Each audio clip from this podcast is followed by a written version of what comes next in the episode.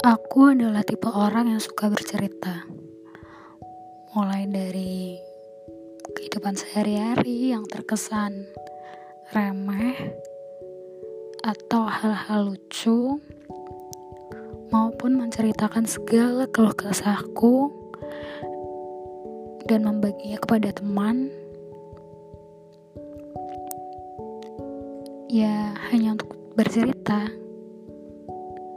tapi tidak serta-merta aku menceritakan semuanya kepada setiap orang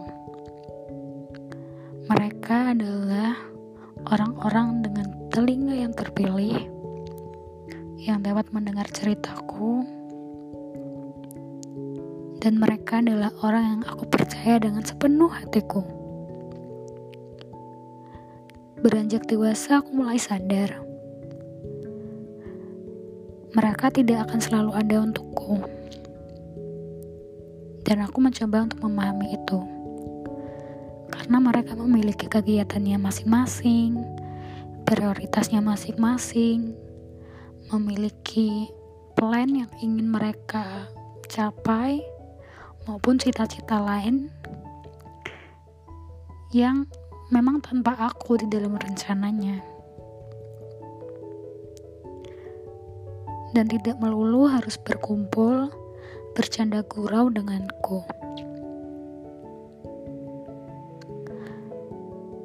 Hal itu membuatku bertemu dengan si polos. Tapi kadang dia juga bergaris. Kadang pula aku menemuinya dengan titik-titik yang begitu banyak.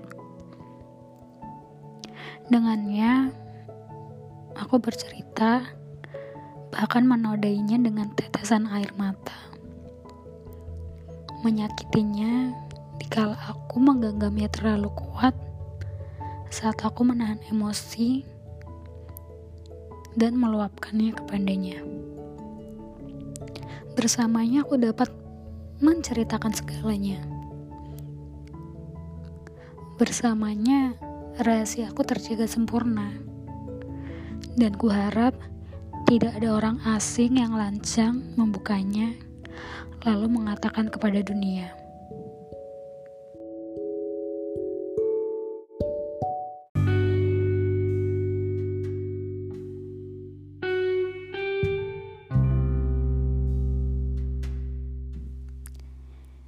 Dear Diary Dulu aku rajin banget nyalahin dia. Mengadu ke semua orang dan menjelek-jelekkan keburukannya. Mengatakan bahwa dia adalah sosok yang kejam. Menangis sambil bercerita bahwa dia adalah salah satu penghambat mimpiku. Lalu aku sadar Sebenarnya dari itu semua apa yang aku dapat? Yang ada rasa kebencian malah semakin subur di dalam dada. Padahal saat itu yang harus kulakukan adalah hanya hanya harus meyakinkan dia mengajari dia hal yang tidak dia tahu dan memberitahunya memberikannya pengertian bahwa hal yang ingin aku lakukan, mimpi yang ingin taklukkan adalah sesuatu yang benar-benar aku ingin lakukan. Dan aku hanya ingin meminta doa dan dukungannya saja. Tapi mungkin saat itu Tuhan pun juga tidak berpihak kepadaku. Dia juga tidak membantuku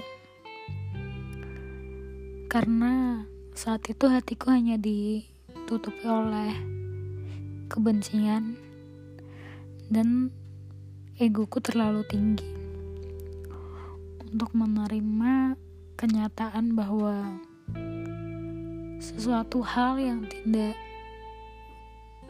terjadi atau sesuatu hal yang kau inginkan tidak sejalan dengan apa yang kau inginkan bukan berarti itu berakhir. Kamu hanya perlu mengusahakannya lagi.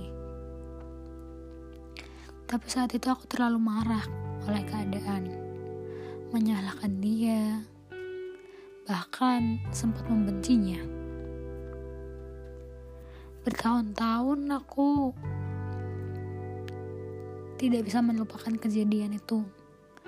Kejadian di mana dia menjadi salah satu orang yang aku sebut sebagai super system ternyata adalah batu besar, ganjalan besar, masalah besar, dan bukan orang yang tulus untuk mendukungku. Tapi saat aku coba mengikhlaskan dan minta ampunan, rasa-rasanya jalan lain terbuka lebar. Dan kini aku sadar. Meraih mimpi tidak harus melewati jalan yang telah aku rencanakan. Sebab Tuhan memiliki seribu jalan jika emang dia mengizinkan.